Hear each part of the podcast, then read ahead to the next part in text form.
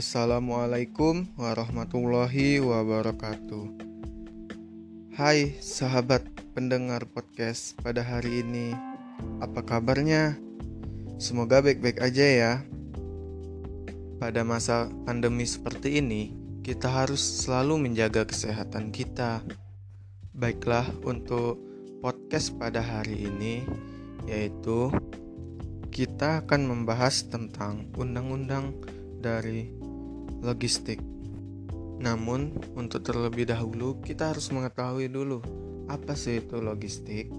Baiklah, pada kali ini saya akan membahas terlebih dahulu dari definisi logistik itu tersebut.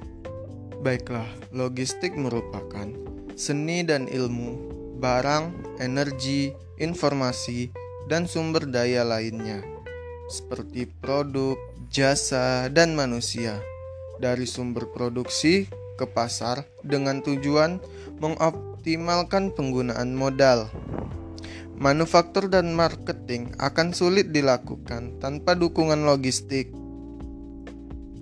Logistik juga mencakup integrasi informasi, transformasi, inventory, pergudangan, reverse logistik, dan pemaketan.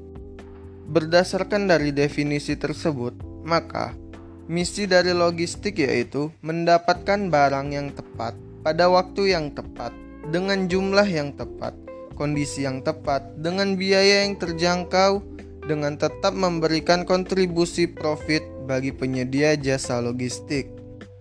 Untuk tujuan dan manfaatnya sendiri, aktivitas logistik dilakukan untuk mencapai suatu tujuan tertentu, yaitu demi tersedianya suatu produk barang yang tepat waktu dan hingga di lokasi yang tepat.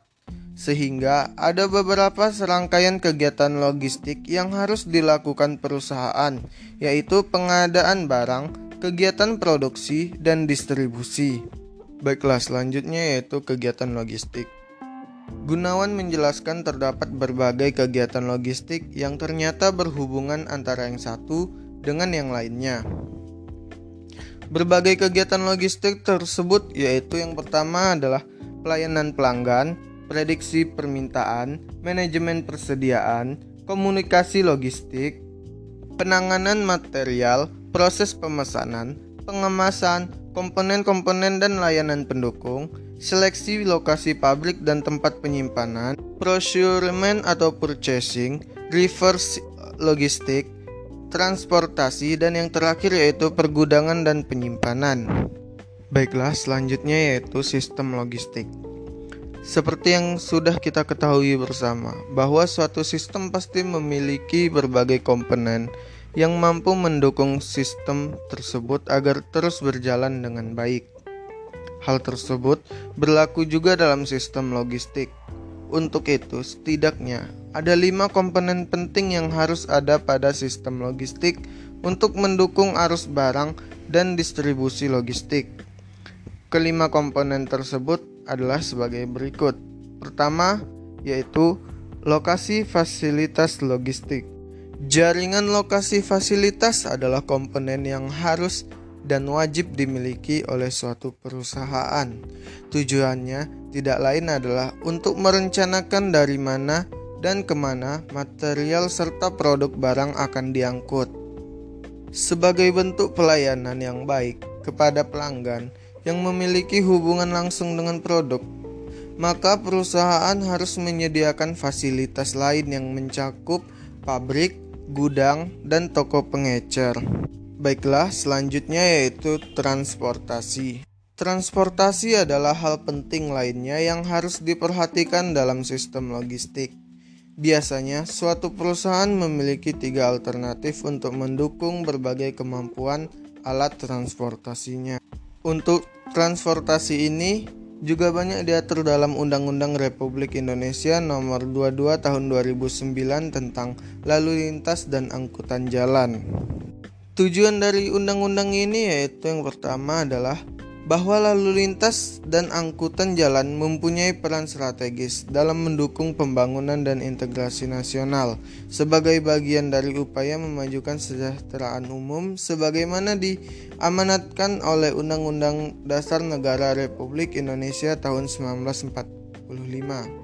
Selanjutnya yaitu bahwa lalu lintas dan angkutan jalan sebagai bagian dari sistem transportasi nasional harus dikembangkan potensi dan perannya untuk mewujudkan keamanan, keselamatan, ketertiban, dan kelancaran berlalu lintas dan angkutan jalan dalam rangka mendukung pembangunan ekonomi dan pengembangan wilayah.